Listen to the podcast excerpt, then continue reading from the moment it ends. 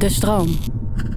Sommige dingen weet ik echt niet meer. Optredens of dingen waar er gebeurde zoveel in die tijd. Het was maar één, eh, één stroom van, eh, ging van het ene naar het andere. Een moment van bezinning en stilstaan. En sommige dingen heb ik denk ik ook bewust gegeten of eh, gewist. Op een gegeven moment vrouw van, van Frans bij jou zelfs met een pistool voor de deur heeft staan, toch? Ja, klopt. Ja.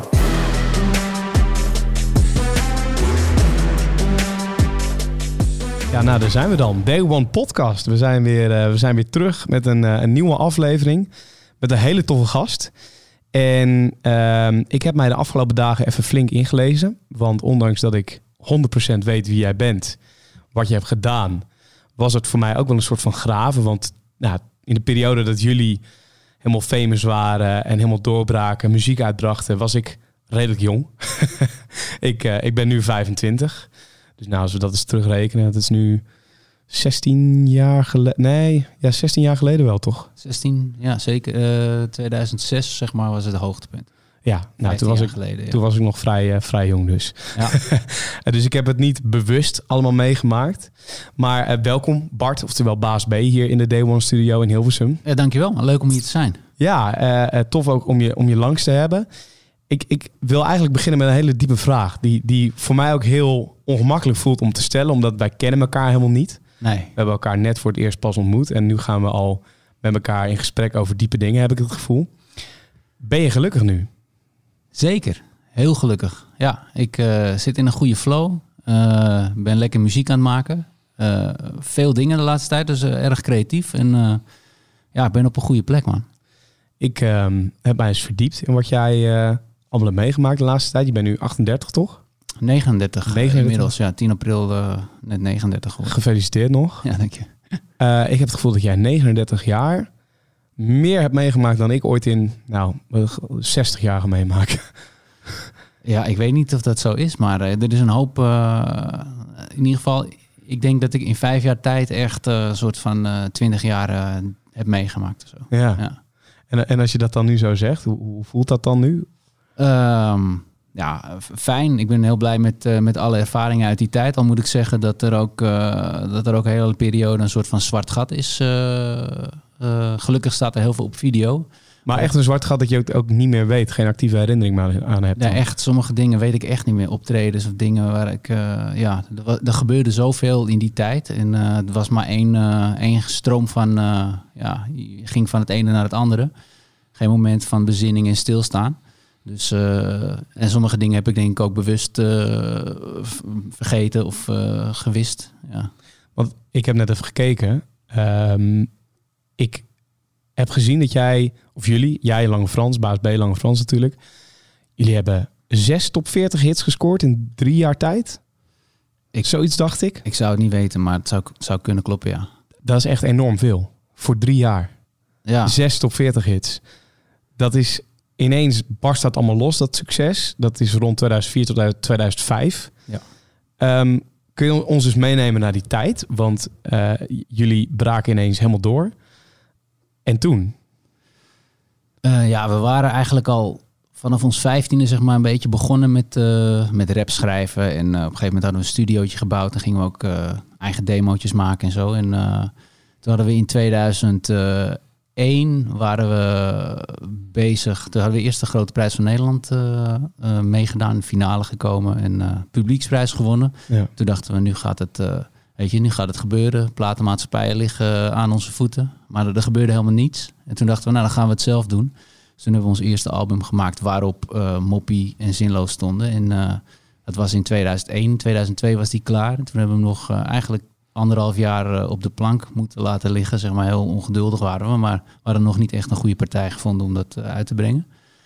Maar toen het uitkwam, eh, Moppie, in de zomer van 2004, ja, toen ging het dak eraf. Toen in één keer waren we bekend. Ja, toen TMF nog. De je, TMF Awards. TMF Awards. ja, vet. Waar we toen ja, ook awards hadden gewonnen. En ja, in één keer was je, was je bekend en eh, traden we overal op door het hele land. Werd je uitgenodigd op tv-programma's, radio en eh stond mijn leven eigenlijk op zijn kop. Is dat ook het zwarte gat waar je het net over had? Ehm, nou, die begintijd eh, kan ik nog wel dingen herinneren. Maar later, toen het echt een beetje veel werd allemaal, daarvan weet ik echt sommige dingen echt niet meer, nee. En dat het veel werd. We- Weet je nog wanneer dat ongeveer een beetje begon? Dat het te veel werd? Eh, ik denk zo'n beetje in eh, een jaar nadat, eh, ja, een jaar nadat Moppie in, op nummer drie kwam. Dat was dus 2005. Toen waren we dus eigenlijk zaten we op de, de, de golf van optredens en dingen doen van het eerste album, de eerste hits. En toen eh, produceerde ik met Arno Krapman samen het eh, tweede album. Dus eh, overdag zat ik in de studio elke dag en dan Ja. s s'avonds door optredens. En dat ging maar door. Dus eigenlijk ook geen moment rust gepakt toen. Op een gegeven moment denk ik dat dat uiteindelijk een beetje veel werd. En hoe zat het met Frans dan op, de- op dat moment? Hadden jullie met elkaar ook contact? Of, of was het eigenlijk gewoon één grote waas? En leefden jullie eigenlijk ook een beetje langs elkaar heen? Behalve op het podium dan misschien? Ehm, ja, we- omdat je zo vaak met elkaar bent, dan is het ook, als je dan even klaar bent met optreden, is het ook wel lekker om allebei even je eigen ding te doen. En Ja. als we in de studio waren, dan waren we natuurlijk wel samen, maar dan ging het ook weer over de muziek. Dus ik denk dat het eigenlijk heel weinig ging over wat er echt speelde bij onszelf. Klinkt ook alsof jij dan ook helemaal niet door had of het met hem wel lekker ging. Omdat je vooral met jezelf heel erg zat op dat moment, denk ik. Nou, ik had altijd wel, wel oog voor mijn, eh, voor mijn omgeving hoor. Ik had misschien te weinig oog voor mezelf juist. Oh, juist andersom dus. Ja, ja. En eh, zag je bij hem hetzelfde als wat er bij jou gebeurde? Of, of juist niet? Eh, ik had het idee dat hij altijd wel, wel lekker eh, ging erop. Weet je, we zijn ook hele verschillende personen, persoonlijkheden. Ik bedoel, Frans is extravert en ik ben introvert. En nou ja, eigenlijk yin-yang. En dat maakte ons wel heel sterk, omdat we gezamenlijk een doel hadden. Ja. Dus dan ben je gewoon een sterk team. En, eh, maar wat er gebeurde met die, al die aandacht, eh, dat versterkte Frans alleen maar. En ik, eh, hij was ook wel degene die van nature op de voor, voorgrond sprong. En ik van nature eigenlijk meer naar achteren leunde. En doordat, door die, dat gebeurde, werd die kloof zeg maar steeds groter. Waardoor ik me ook steeds minder... ik voelde me ook niet echt comfortabel op de achtergrond. Ik dacht van, hé, hey, weet je, we zijn wel een duo. Maar ik had dus eigenlijk meer wat ik mezelf aanreken. Of aanreken is zwaar woord. Maar dat ik misschien meer eh, uit mijn comfortzone en gewoon ook meer die spotlight moeten pakken. Dat je gelijkwaardiger was. En, eh, maar goed. Maar ja, je zegt, je- rekent jezelf aan. Het houdt, dat, dat heeft je dus wel bezig gehouden. Dat je dat misschien meer had moeten doen. Ja, dat is meer eh, als ik nu eh, achteraf kijk van wa- hoe is het nou, wat is er nou gebeurd, weet je wel. En eh, dan, dan denk ik van ja, dat, dat had je daar misschien wat kunnen Maar doen. past dat dan echt bij je? Is dan misschien ook wel de tweede vraag die je kan stellen. Ja, dat is ook een goede vraag. Nou ja, ik moet, ik moet zeggen, ik ben nu weer muziek aan het maken en ik Ja. vind het hartstikke leuk. En, maar het is altijd een soort van, weet je, aan de ene kant heb je natuurlijk aandacht nodig, ook dit soort dingen, om, ja, om de wereld te laten weten dat je er bent en dat je muziek uit hebt en eh, je wil optreden. Aan de andere kant wil je, ja, is, is omgaan met al die aandacht is natuurlijk ook weer eh, is lastig. Moeilijke tweestrijd wel, ja. Ja, Ja, Ja. en, en ehm, het, uiteindelijk ging dat ook mis. Lange Frans en Baas B. Wat heel veel mensen verschrikkelijk vonden volgens mij. Want je wil niet weten hoeveel reacties ik kreeg toen ik bepaalde mensen van... Ja, volgende week een podcast met Baas B. Oh, vet. Je hebt echt nog steeds gewoon zo ontzettend veel fans. Ja, zo tof. ontzettend veel mensen die jouw naam nog steeds kennen. Eh, en ik denk ook heel veel mensen waar, waarbij Lange Frans Baas B... Dat, dat was echt hun jeugd, denk ik. Eh, Dat was, dat was überhaupt, denk ik, een, een heel belangrijk moment voor hip-hop in Nederland, wat daar gebeurde. Jullie zaten volgens mij op dat moment ook echt in, in de wave van hip-hop in Nederland, wat toen net allemaal eh, goed aan het opkomen was. Ja, je had voor ons eh, natuurlijk eh, de Osdoropossi en Ja. Brainpower en Extins. Dat waren eigenlijk de, de bekendste namen. En daarna, maar ja, Extins had wel twee, pla twee platen in de top 40 gehad. En Brainpower natuurlijk ook met dansplaat. Maar de deur stond nog niet echt open. En nou, bij ons ging, dat, ging die deur zeg maar steeds meer open. En daarna is, eh, zijn de volgende generaties eh, ook weer uh, binnengewandeld. Hoor Komt er wel eens een, een, een generatie zeg maar, van, van na jullie naar jou toe en zegt van joh, eh, nou ik wil niet zeggen bedankt, maar, maar hoe ging dat in jullie tijd? Of, of wat vet wat jullie deden? Nou, wel van hey, te gek van respect of weet je, leuk. ja, vroeger altijd naar geluisterd en op die manier. Dus ja. wel respect tonend. ja. Net zoals je... ik kijk naar opkijk tegen Extins en Brainpower en Osteropossie. ken jij nog een moment uit, uit die beginjaren? Want nou ja, wat, wat het net over het, dat zwarte gat, wat, wat dan natuurlijk niet per se positief is. Maar kun je nog een moment herinneren waar, waar je echt met, met, met Frans op een podium stond of, of iets meemaakt waarvan je nu nog steeds denkt van ja man, dat, dat is vet. Ik kan daar ook heel positief op terugkijken. Ja, eh, de Vrienden van Amstel vond ik echt uh, een feest. Dat was Ja. echt letterlijk eh, een feest ook. En eh, ja, dan sta je tien dagen achter elkaar in een vol Ahoy. De eerste avond is het nog aftasten en spannend, want eh, dan is alles nieuw. Maar als het, eenmaal, als het er eenmaal in zit, dan ga je daar gewoon op, ja, kan je daar gewoon zo van genieten. En dat, dat, dat zijn wel hele mooie dingen. Het TMF Award vond ik ook helemaal te gek. En ja, dat zijn wel fijne herinneringen. En is jouw omgeving altijd heel erg bezig geweest ook met, met ehm, nou, hoe, hoe jullie gingen, hoe, hoe jullie bezig waren op het podium, hoe, hoe het met jouw carrière ging? Hoe bedoel je? Nou, dat ze, dat ze misschien ook tekenen zagen in die tijd dat het, dat het nu wel heel hard ging. En misschien iets te hard voor jou. Ehm, ja, mijn ouders en mijn zusje en eh, mensen die dichtbij me stonden, die zagen wel aan me dat ik, dat ik niet helemaal eh, lekker in mijn vel zat. Of die zagen hoe ik op het podium stond. Eh, die, zagen, die zagen eigenlijk weinig van mezelf terug. Ja. Eh, ja, dat heb ik wel eh, later eigenlijk pas eh, weer teruggekregen. Op dat moment zelf niet.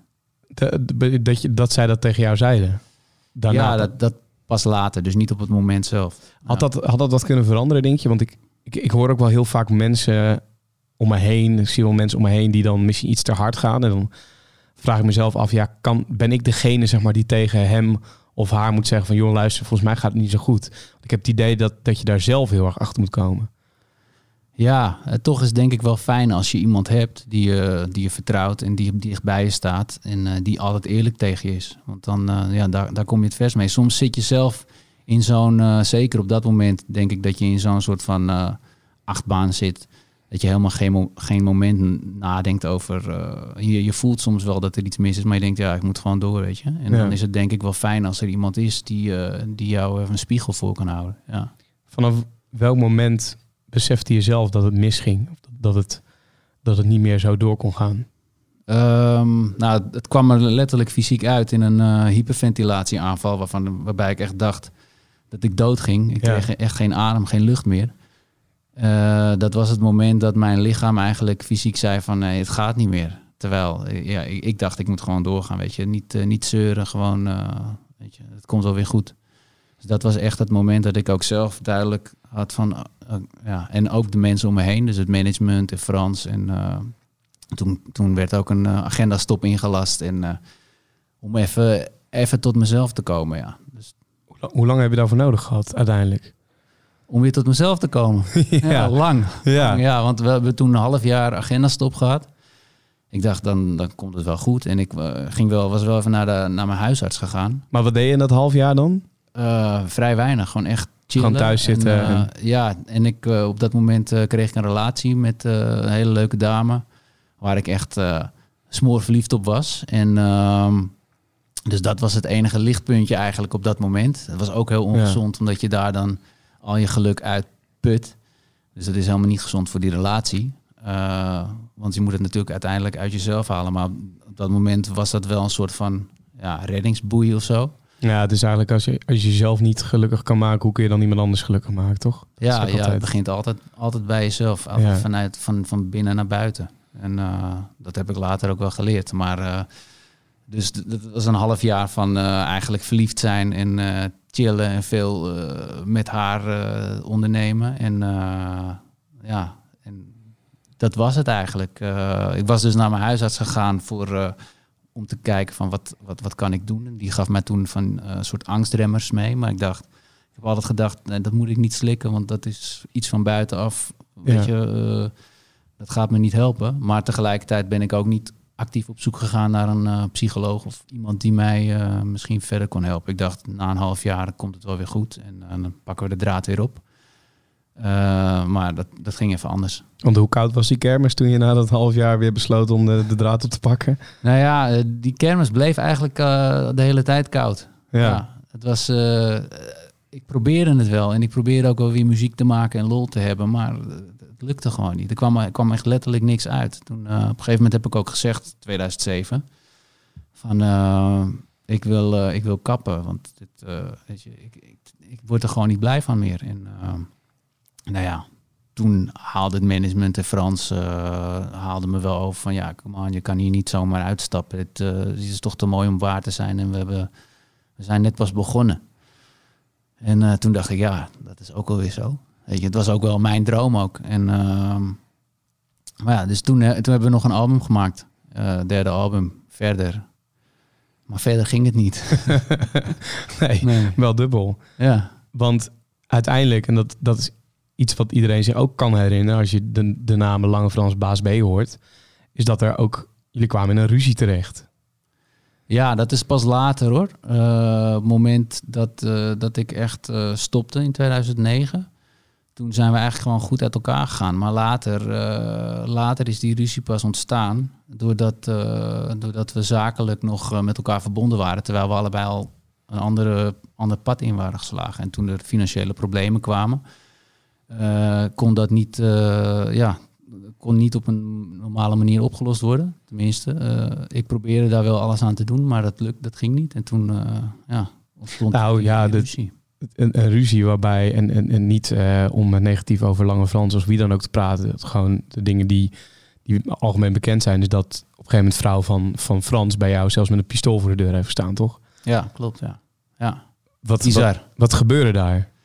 Eh, ik was er gelukkig zelf niet bij. Ik was op die avond zelf was ik eh, met een vriendin uit eten in de stad. En ehm, ik weet nog dat ik op een gegeven moment op mijn, eh, op mijn Blackberry keek. Toen nog. En iets van 80 eh, verschillende pingberichten en gemiste oproepen gehad. En niet naar huis komen, dit en dat en bla bla. Toen las ik dus wat er was gebeurd. Later kwam ik, kwam ik thuis en toen dacht ik, wow, wat, wat, wat is er eigenlijk gebeurd? Ja, Ja. maar ja, dan is toch, de- wat is er eigenlijk gebeurd? Want zij, het, het, het liep zo uit de hand dat, dat zij daar ook bij gemoeid raakte. Want zij heeft natuurlijk altijd al een zakelijk belang gehad. Of nou, niet belang gehad. Zij was zakelijk betrokken bij wat jullie natuurlijk allemaal deden. ja. Maar hoezo stond zij dan ineens met een pistool voor de deur? Ja, dat is een hele goede vraag. ja. Heb je daar nu nog tot op de dag van vandaag nog steeds eigenlijk geen antwoord op? Of Nou, mijn verklaring eh, is dat het in haar hoofd zo uit de hand liep dat, het, eh, dat ze dat niet a- aankon. Ik weet niet. Weet je, ik, ik heb altijd dit, dat conflict op een goede manier proberen op te lossen in die tijd. En het duurde maar. En, en ik denk dat het haar niet snel genoeg ging. Maar ja, in mijn, in mijn beleving waren zij zelf debet aan het feit dat het niet, niet snel opgelost werd. Dus Nee. Goed, verder ja, weet ik ook niet wat, eh, wat, wat er eh, in Ja. haar hoofd omging. Maar in ieder geval, als je zoiets doet, dat eh, ja. Uiteindelijk- Wat voor, wat voor film kom ik terecht, weet je? ja, ik, maar, maar zo zie ik jou, jouw leven ook. A- als, ja, als, als ik Slechte film. Nee, nee, helemaal geen slechte film. Juist denk ik een hele, hele leerzame film of zo.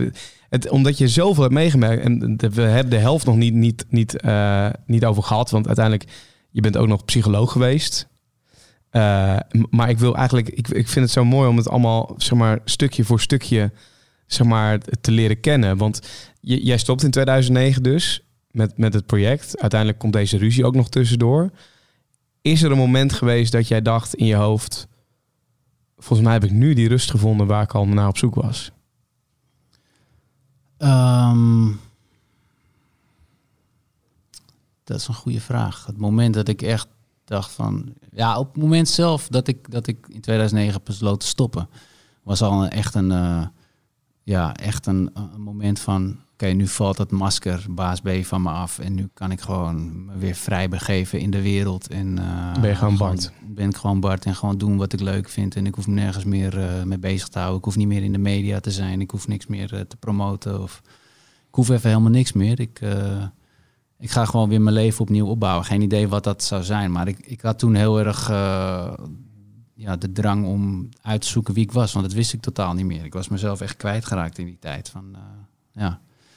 Dus dat was, dat was een heel belangrijk moment. Dat ik dacht, oké, nu valt er iets van me af. Nu vind ik in ieder geval rust. En daarna ging ik weer eh, ja, studeren en langzaam mezelf weer opbouwen. En ehm, eigenlijk het echte moment van rust is... ehm, denk ik 2019 gekomen. Toen ik met Frans weer op het podium stond. En eh, eigenlijk de cirkel weer rond was. En ik, ik daar stond onze oude nummers te spelen. Voor een mooie eh, volle zaal in de Q eh, Factory. Geloof ik. Ja, Q Factory.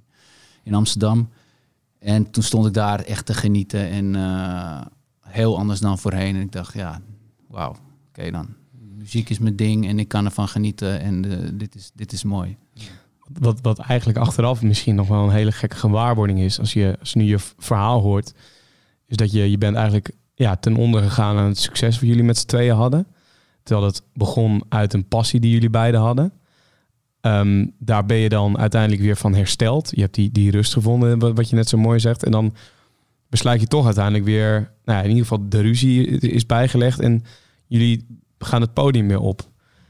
Is dat, hoe, hoe is dat ontstaan? Hoe, hoe kwam het idee om toch wel weer dan die spotlight op te zoeken?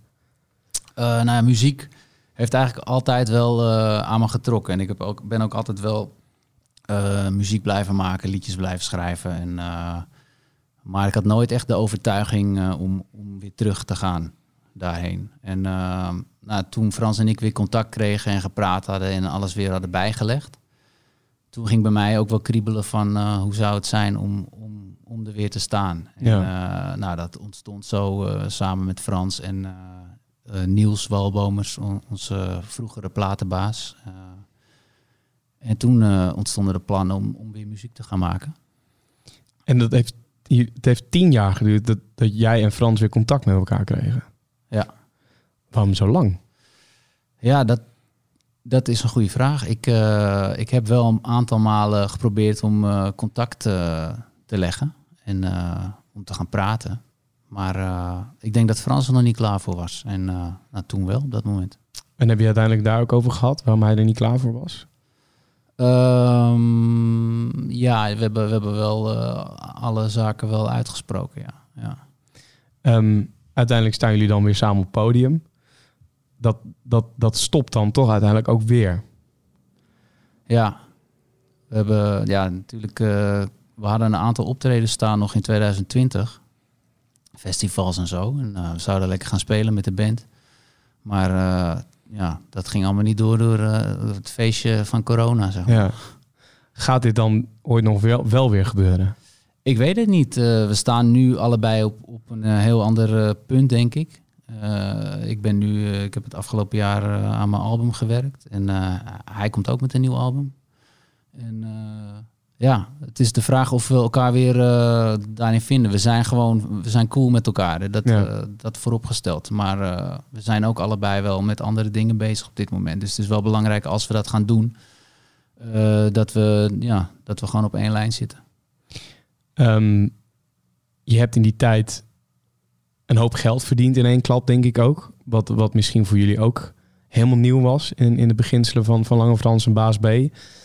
Ehm, hoe voelde dat voor jou om, om ineens, want jullie kwamen beide uit Diemen, daar, daar zijn jullie ook met z'n tweeën begonnen, dat vertelde je net ook. Hoe voelde het ineens om dan zoveel succes te hebben naast de fans, maar in één keer ook geld te verdienen waarvan je denkt van wat moet ik ermee misschien wel, geen idee. Ja, ik, eh, dat voelde echt eh, gek. Want eh, ik weet nog dat ik toen de tijd dacht van ja, is, verdien ik nu veel geld? Ik had helemaal geen idee, weet je wel. Maar Nee. we deden echt zoveel shows en het, het kwam echt met bakken binnen. Eh, heel onwerkelijk. Ik heb me eigenlijk ook nooit echt bezig gehouden met, met, met geld. Het, het was er gewoon. En eh, het werd af en toe eh, op mijn rekening gestort. eh, en eh, ik leefde gewoon. En eh, ja, dat, dat doe ik overigens nu wel anders hoor. Maar eh, ja. eh, ja, dat was heel, heel onwerkelijk. Ik weet ook nog wel dat ik, dat ik vroeg van, eh, aan, aan onze platenbaas van... is dit nu, zijn we, kunnen we nu binnen, zijn we nu binnen? Of is dit nu... Ja, ik weet niet. Ik had helemaal geen, Nee. geen referentie van wat nou veel was... of wat, het, wat nou succes was. Ehm, in die tijd, tenminste, ik weet niet of het in die tijd is, dat weet ik even aan mijn hoofd niet. Maar wij hebben een tijdje geleden ook Jody Bernal in de podcast gehad. Die er eigenlijk door het succes ook helemaal vanaf kwam te liggen. Eh, bij hem speelde ook een hoop financiële problemen. Want nou ja, wat, wat, wat jij hebt met van ik weet niet, zijn we binnen of komt er wat binnen? Of bij hem eh, was hij daar wel zich redelijk van bewust. En dat ging er ook heel snel uit. En eh, die verhalen kun je ook in, in Day One Podcast nog terugluisteren. Ehm, hoe, hoe is dat dan, zeg maar, om nou, zoveel geld verdiend te hebben. Dan besluit je er uiteindelijk toch mee te stoppen. Had jij op dat moment nog, nog dat spaargeld? Of was dat er ook allemaal doorheen? Of...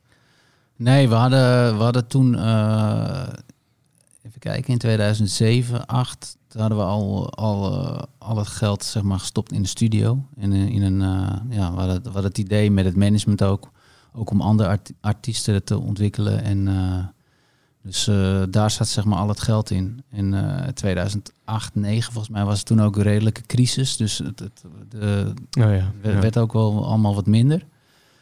Dus uh, op het moment dat ik stopte had ik eigenlijk helemaal niks meer. Ja, ik had mijn appartement, maar dat heb ik ook toen uh, verkocht. Want ik wilde gewoon weer vrij zijn, geen hypotheek hebben. Ik wilde studeren en ja. gewoon, ik dacht ik bouw alles wel weer een keer opnieuw op.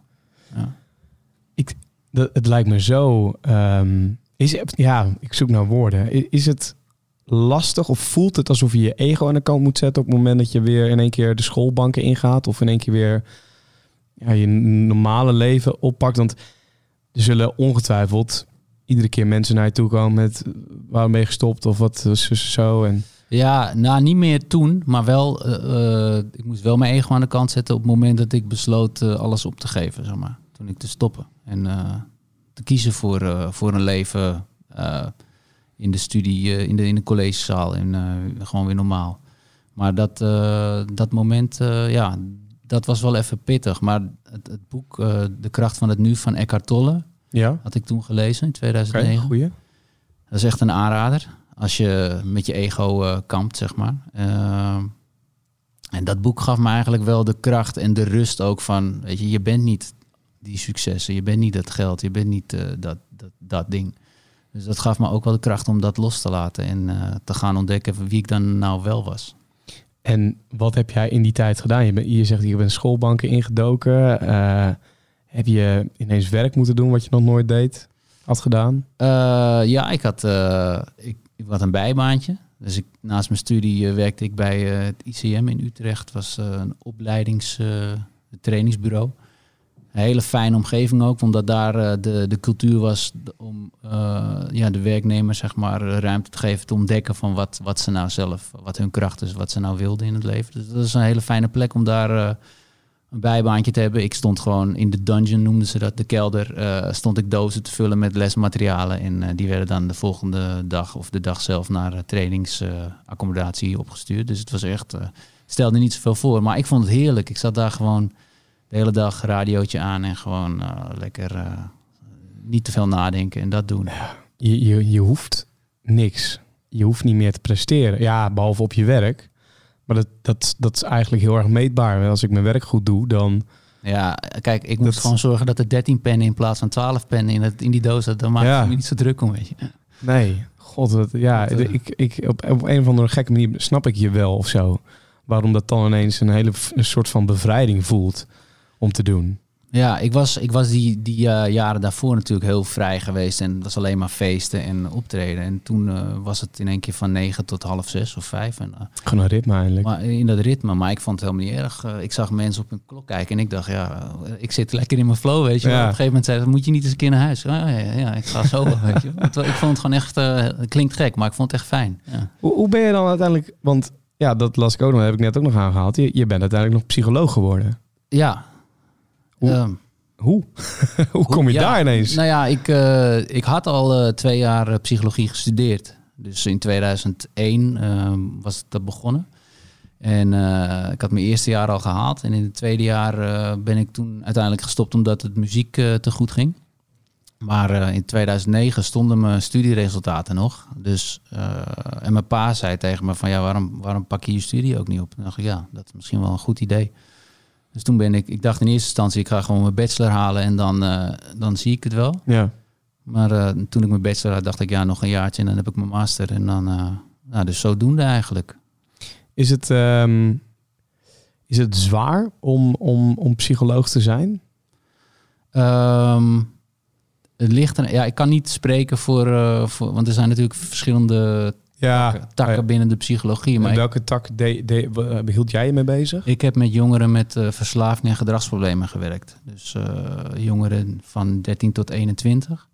Die uh, ja, eigenlijk de weg kwijt zijn geraakt in het leven en vertrouwen zijn verloren in instanties en scholen en ouders. En dus eigenlijk vrijwel helemaal alleen zijn en vanuit die onmacht eigenlijk gaan schoppen tegen, tegen iedereen en alles wat los en vast zit. En daarbij Ja. zichzelf eigenlijk beschadigen en kapot maken. Dus dat is eigenlijk een instelling waar ze zeg maar, het laatste redmiddel of zo, daar moeten ze dan, uh, de meesten die, die uh, komen daar binnen omdat ze anders uh, gesloten moeten. Of, weet je, er zijn weinigen Ja. die dezelfde, er zijn wel me- jongeren die zelf motivatie hebben om aan zichzelf te werken, maar meestal is het wel redelijk gedwongen. En dan ga je acht weken lang ga je met ze een, een, een behandeling in.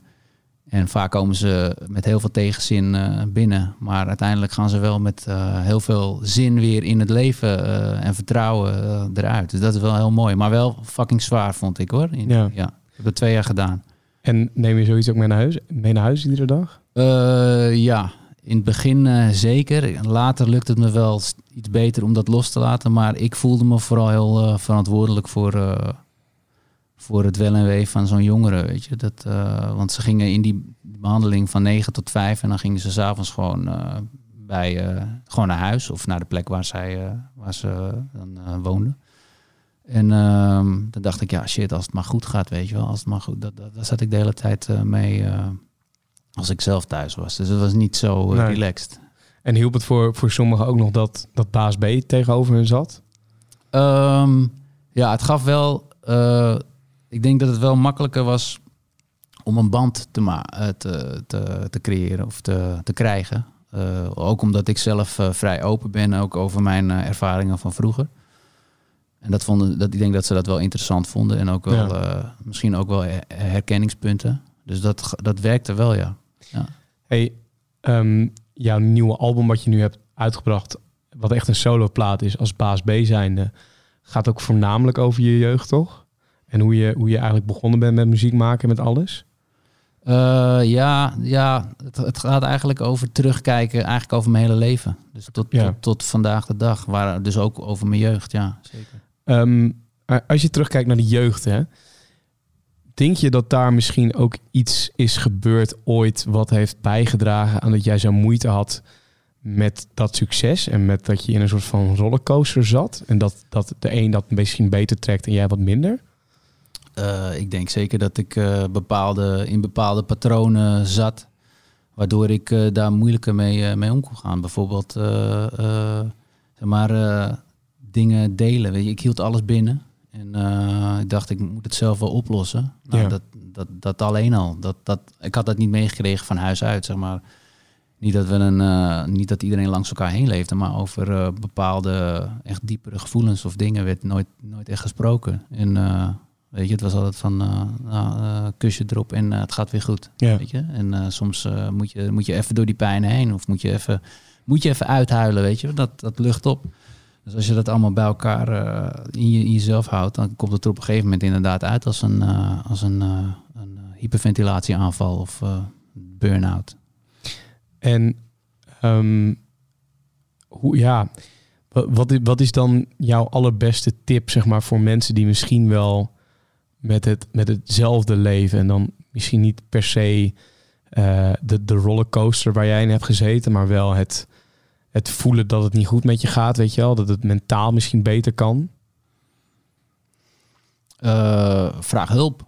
Weet je, uh, ga stap in, in eerste instantie naar iemand toe die je vertrouwt en uh, ja, weet je, ga, ga, je hoeft het niet alleen te doen. Dus dat, dat is altijd goed. Het is, het is, het is niet erg om kwetsbaar te zijn of zwakte te tonen. Mensen zijn altijd bang om, om, om dan ja, als zwak gezien te worden. Maar het is juist kracht als je dat kunt. Ja. Hey, dat, dat nieuwe album wat ik net aanhaalde, dat heb je dus, uh, dat heb je dus nu uit. En nou, deze podcast komt iets later online. Dus dat is nu een maandje of twee, drie, denk ik, uit ongeveer dan. Ja. Um, heb je daarbij dan nog een bepaalde drang dat het moet scoren? Of, of heb je dat helemaal vrij kunnen laten? En heb je nu echt zoiets van, ik wil muziek maken en dat is gewoon hoe ik het doe? Of... Ja, dit album heb ik echt uh, gemaakt om hetgeen wat ik wilde vertellen. Dus Ja. ik heb niet nagedacht over, het moet een hit zijn of wat dan ook. Tuurlijk Eh, het is altijd mooi meegenomen als een nummer eh, goed valt. eh, Of opge- opgepikt wordt door de radio of online. maar dit, dit, dit album heb ik echt geschreven omdat het eruit moest, denk ik. Gewoon, en nu, nu kan ik weer door nieuwe dingen maken. Ik ben nog een beetje aan het kijken wat, wat het moet zijn. Maar het gaat niet alleen maar diepzinnige, zware kost worden, zeg maar. Want hoe ziet jouw leven er nu uit? Wat, wat, wat, hoe, hoe ziet een week van, van Bart eruit? Eh, de afgelopen weken zijn echt eh, dat ik, ja, ik sta op en eh, ik eh, ga achter me. Ik heb thuis een studiootje, dus ik ga achter mijn bureau zitten en dan ga ik dingen maken. Dat en is- je bent nu eigenlijk dus fulltime muziek aan het maken. Ja. Ja. Dat lijkt me ook wel eh, ja, pittig of zo. Want moet, moet je het dan allemaal uit jezelf halen? Eh, op dit moment haal ik veel uit mezelf, maar ik merk wel dat, dat het samenwerken met mensen ook wel, eh, dat bevalt me ook wel. Dat wil ik ook steeds meer gaan doen. En ik wil ook, eh, ook gaan produceren voor anderen, want ik, ik denk dat het eigenlijk nog wel groter, een groter pad voor mij is dan artiest zijn. Ja. Eh, dus eh, beats maken eh, voor anderen. En dus bij deze, als mensen het horen en denken, hey, ik wil een keer samenwerken, laat me weten. Maar dat lijkt me hartstikke leuk. Ja. En ehm, ja, ik, ik begon de podcast ook echt met de vraag: ben je, ben je dan nu gelukkig? En waar, ja, waar zit hem dan dat het geluk in? Zeg maar, ben je dan tevreden met hoe je leven nu in elkaar zit? Wat, wat, wat je doel is? Of juist omdat je geen doel hebt, misschien per se? Of, Eh, ik heb wel degelijk doelen hoor. Ik bedoel, ik stel doelen. Ik heb, eh, dit, album was een doel. Ik, eh, wil fysiek en mentaal in goede conditie blijven. Dus dat zijn doelen. Ik wil zoveel boeken per jaar lezen. Je, daar, zo ben ik bezig. Maar het belangrijkste zit hem in dat ik het geluk in mezelf heb gevonden. Dus ik heb geen, eh, waar ik het vroeger dacht van, hè, als we, als we dan eh, succes hebben en we staan in de top 40 op één, eh, dan, weet je, dan zijn we er, dan ben ik er, weet je. Maar dat, want ik was er niet. nee. En het geluk haal ik dus uit mezelf. Ik, en dat, dat is de, de allergrootste les, denk ik. Dus ik ben, ik ben cool met mezelf en ik geniet gewoon van, van de kleine dingen. En vanuit daar denk ik dat er ook weer mooiere grote dingen kunnen ontstaan. Ehm, ik ga een vraag stellen, een paar vragen stellen die, eh die er altijd eh, leuk als een rubriekje ingooit. Eén vraag, daar heb je al in ieder geval één antwoord op gegeven. Dat was het boek eh, waar je veel kracht uit hebt gehaald. Ehm, maar dat geldt eigenlijk ook voor de vraag: zijn er dingen, of, of nou, noem drie dingen die jij zeg maar inspirerend vindt? Dus die je hebt gekeken bijvoorbeeld op YouTube, een film, een documentaire die je hebt gezien, waarvan je denkt van ja, dit is een goede tip ook voor alle luisteraars. Drie dingen? Ja, mogen er ook vier, vijf zijn. Of één of twee. Oh. dit, dit, zijn altijd vragen waar ik... Inspireren, eh, de inspirerende mensen, bijvoorbeeld. Ja. eh, shit, ik heb altijd zo... Als ik, als ik iets zie, dan denk ik... Ah, dit moet ik opschrijven, want ik vergeet dat Ja, dat herken ik, ja. wel. maar sowieso eh, de kracht van het nu Eckhart Tolle is echt... Dat, dat boek. Het is wel een beetje lastig geschreven. Het leest niet heel lekker, maar... Het is gewoon wel een Nederlands boek. Eh, ja, het is, gewoon in, het is gewoon in het Nederlands. Je, je, hebt, je hebt hem ook in een, in een, luistervo- een luisterboek. Dat is misschien Ja. ook wat chill.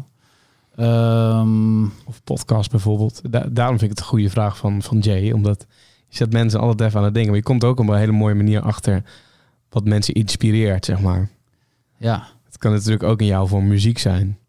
Nou, ik vind, eh, ook al is dat misschien niet voor iedereen, maar mediteren aan zich, eh, weet je, verdiep je daarin in, wat dat met je doet. Eh, dat is, eh, ik doe dat elke dag. En eh, En, en hoe, eh, ja, neem ons eens mee. Want mediteren vind ik al heel lang interessant. Ehm, en ik ga ook opbiechten dat ik nou, misschien één of twee keer goed de tijd ervoor heb genomen. Maar dat de brug, de drempel in mijn hoofd nog steeds te groot is om het gewoon te gaan doen. Op een of andere manier. Volgens mij, ik hoor dat bij heel veel mensen terug.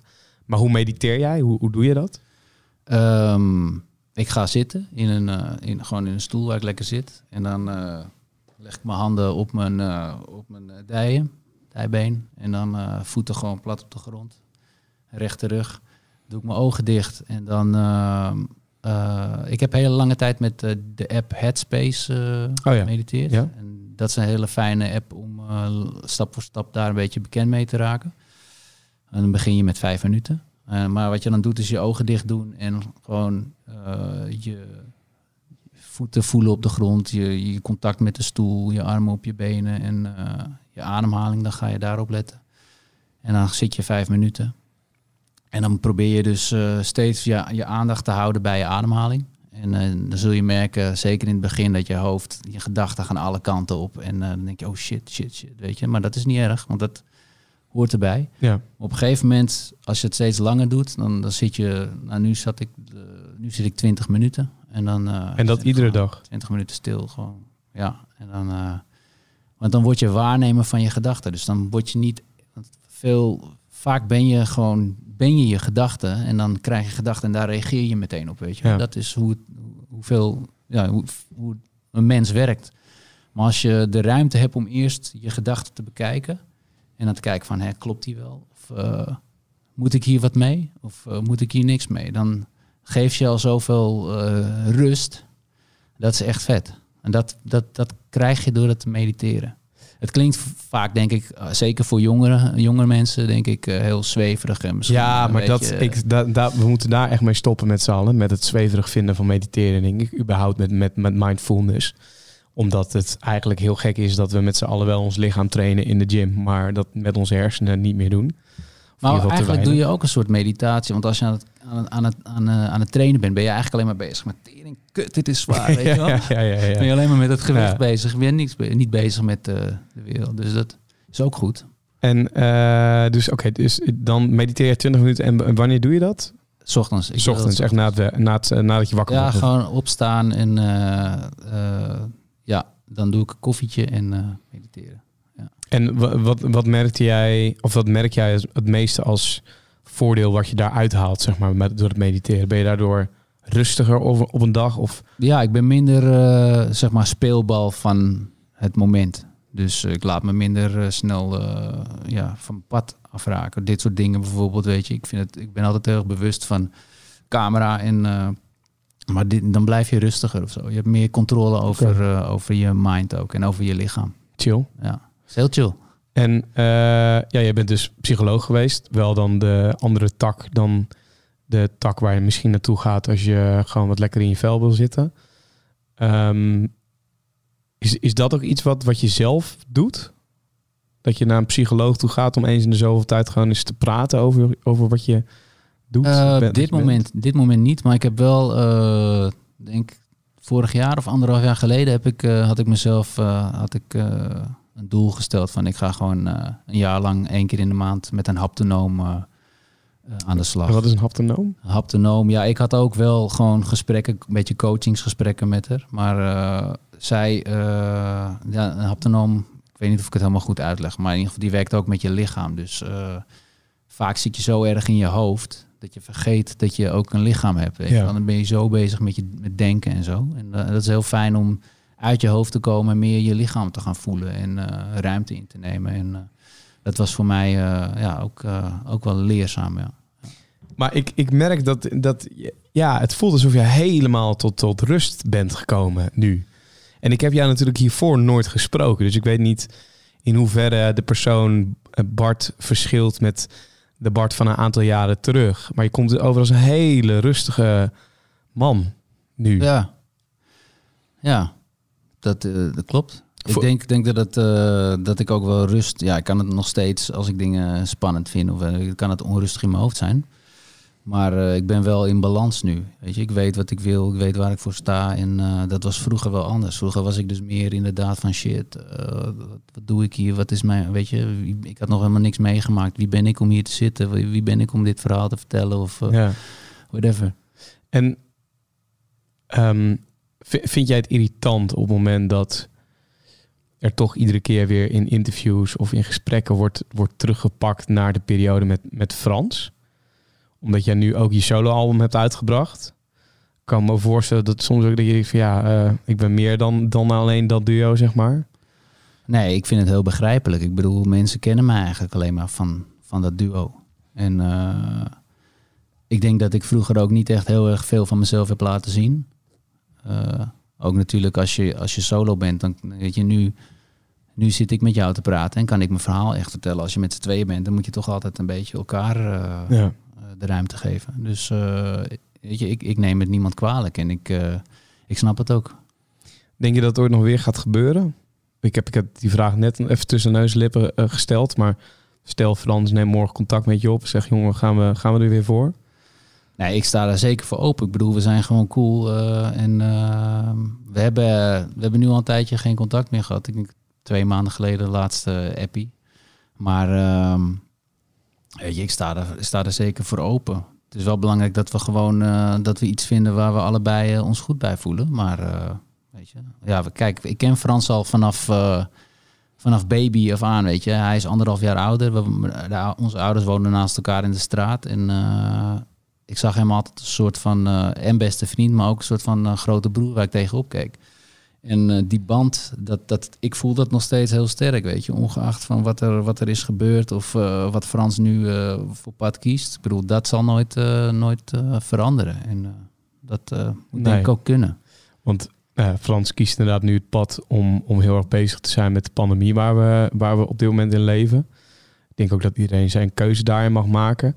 Maar dat zou voor jou ook nooit een, een, een, een drempel of barrière zijn om gewoon weer met z'n beiden dus aan de slag te gaan.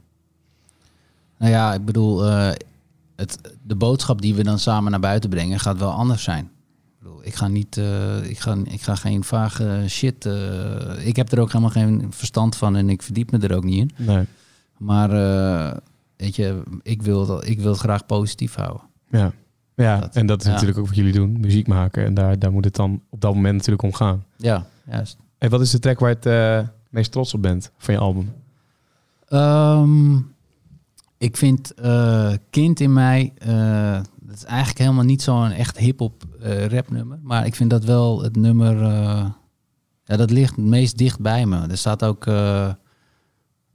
een eh, sample van mezelf als klein jochie van, eh, van anderhalf, eh, waarin ik met mijn vader, eh, die, neemt mij, die heeft mij opgenomen. Dat, dat heb ik gesampled van een bandje. Dus dat, eh, dat nummer, dat, en dat gaat ook echt over mijn jeugd en over de connectie weer maken met het kind in mezelf. En eh, dus dat, dat, dat nummer gaat voor mij, voor mij persoonlijk heel diep. En, Ik, ik pak er even een fragment bij. Ik denk dat we hem niet langer dan 15 seconden kunnen laten duren. Vanwege YouTube en rechten en vanwege de podcast. oh ja, ja, ja. Maar het is wel goed om natuurlijk om even dan een, een klein stukje erbij te pakken. Alsof ik al die tijd heb pitten En nu wakker schrik in het heden. Ja, ik weet het Ik was met zoveel dingen bezig Het is geen reden. Maar gelukkig kom ik je weer tegen. Ik hoop dat je me kan vergeven Nu we spreken. Weet je nog dat jij dat bandje had van Michael Jackson? Op je Walkman, in de auto. De muziek die was gewoon het beste. Op het veldje als Van Basten. Die omhaal oefenen was lastig Maar vandaag Ja, tof. Ik, ik vond het wel mooi. Ik, eh, ik zette dit nog net even een keer aan hier toen we hier in deze ruimte zaten. Toen was je er nog niet. En ik merkte ook gezichten om me heen van, van de jongens hier die bij Day One werken. Dik man. Vet. Dit, dit, het, het, het, het, het voelt ook heel... Ja, als weer oldschool hip-hop of zo. ja, ik ben natuurlijk ook een beetje old school. ja, maar ja, je had er ook eh, voor kunnen kiezen om... Ja, Gewoon trap beats eh, of de, die sounds van nu. eh, Ja, kennen. bijvoorbeeld, Ja, bijvoorbeeld. zeker. Ja, ik, ik, eh, ik heb wel bewust gekozen voor deze sound. En niet zeggende dat ik in de toekomst dat niet ga doen. Maar ja, dit, dit voelt gewoon... dit voelde goed. Ja, ja mooi. Ik, vond, ik vond het een heel interessant gesprek. Ik vond het een heel mooi gesprek. En ik hoop ook dat je gevoeld hebt dat ik wel re- dat ik heel erg respect heb voor jouw levensloop. Omdat wat ik aan het begin zei, ehm, je- bent nu eh, eh, in, de, in de 30 en het voelt alsof je de ervaring hebt van iemand die 80 is 80, is- ja, ta- ja, 80 is, weet je wel. Ja. Ik, eh, en ik bedoel dat met heel veel respect, omdat, ja, weet je, als je zoveel dingen meemaakt, dan levert dat ook een hoop levenservaring op. En dan levert dat ook een hoop wijsheid op, denk ik. Ik weet niet of je dat zelf ook zo kan zien. Ik, kan, ik, hoorde net in het begin een stukje waarvan je zei van, ja, misschien had ik dat toen anders moeten aanpakken. Dus ik weet niet of je er ook met dezelfde gevoel naar kijkt als ik dat doe. Eh, ja, ik ben gewoon heel blij of dankbaar eh, voor wat ik heb meegemaakt. En eh, weet je, ondanks dat het soms een hele donkere periode was. Er zijn ook heel veel mooie dingen geweest. Maar ik, ik denk dat je, je moet door een donkere periode heen om daarna weer het licht te zien, weet je wel. En eh, ik denk dat ik die les gewoon nodig had om eh, te komen waar ik nu ben. En eh, vanuit hier kan ik gewoon weer, ja, kan ik alles. Ja. Ja. Ja, mooi. Ja, heel mooi. Zullen we nog één, één track van het album erbij pakken om mee af te sluiten? Kind in maar. mij was je trots op welke wil je... Wel, welke vind jij het vetst? Dat was Losjes, als ik me niet vergis. Dan doen we losjes. Man, hoe gaat het ermee? Daar heb je die ene van back in the day. Zit je net eventjes lekker te space en ik schud je wakker als een smack in je face. Yep, ik ben er nog steeds. B de boel A naar de S naar de B. Je staat er wel een beetje lekker te wezen, maar check het eens even. Hoe lekker is deze? Ja, dik. Vind ik vet. Ah, Vind, thanks. vind het heel vet. Uh, Baas B, oftewel Bart, dankjewel dat je hier in de Day One studio wilde plaatsnemen om eh, met mij in gesprek te gaan. Graag gedaan, ik vond het tof. En eh, wellicht dat we in de toekomst nog een keer een, eh, een tweede aflevering moeten gaan plannen om weer, om weer verder te lullen. Want ik heb het idee dat we dat nog uren kunnen doen. Ik ook, dus eh, let's go. Ehm, voor iedereen die aan het luisteren is, abonneer je even op Spotify, even op volgen drukken. Je kan in de Apple Podcast app kun je ook een recensie achterlaten. En die ga ik er nu as we speak even bij pakken. Want ik vind dat het te lang geleden is dat we weer even wat leuke reacties van, van jou als luisteraar erbij hebben gehaald. Ehm, en volgens Jay, anders dan komt Jay met zijn knokploeg naar je toe. Moeten daar minimaal vijf sterren worden gegeven. Dat wordt gelukkig ook da- gedaan. Just Ferry die zegt eindelijk weer een podcast.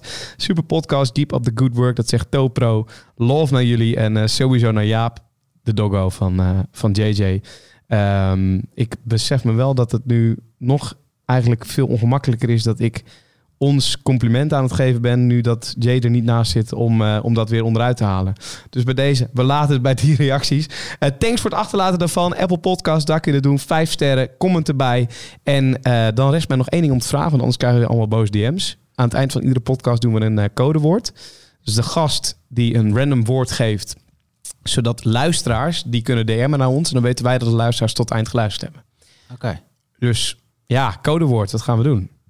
Gewoon een random... een Random woord, maakt niet uit wat het is.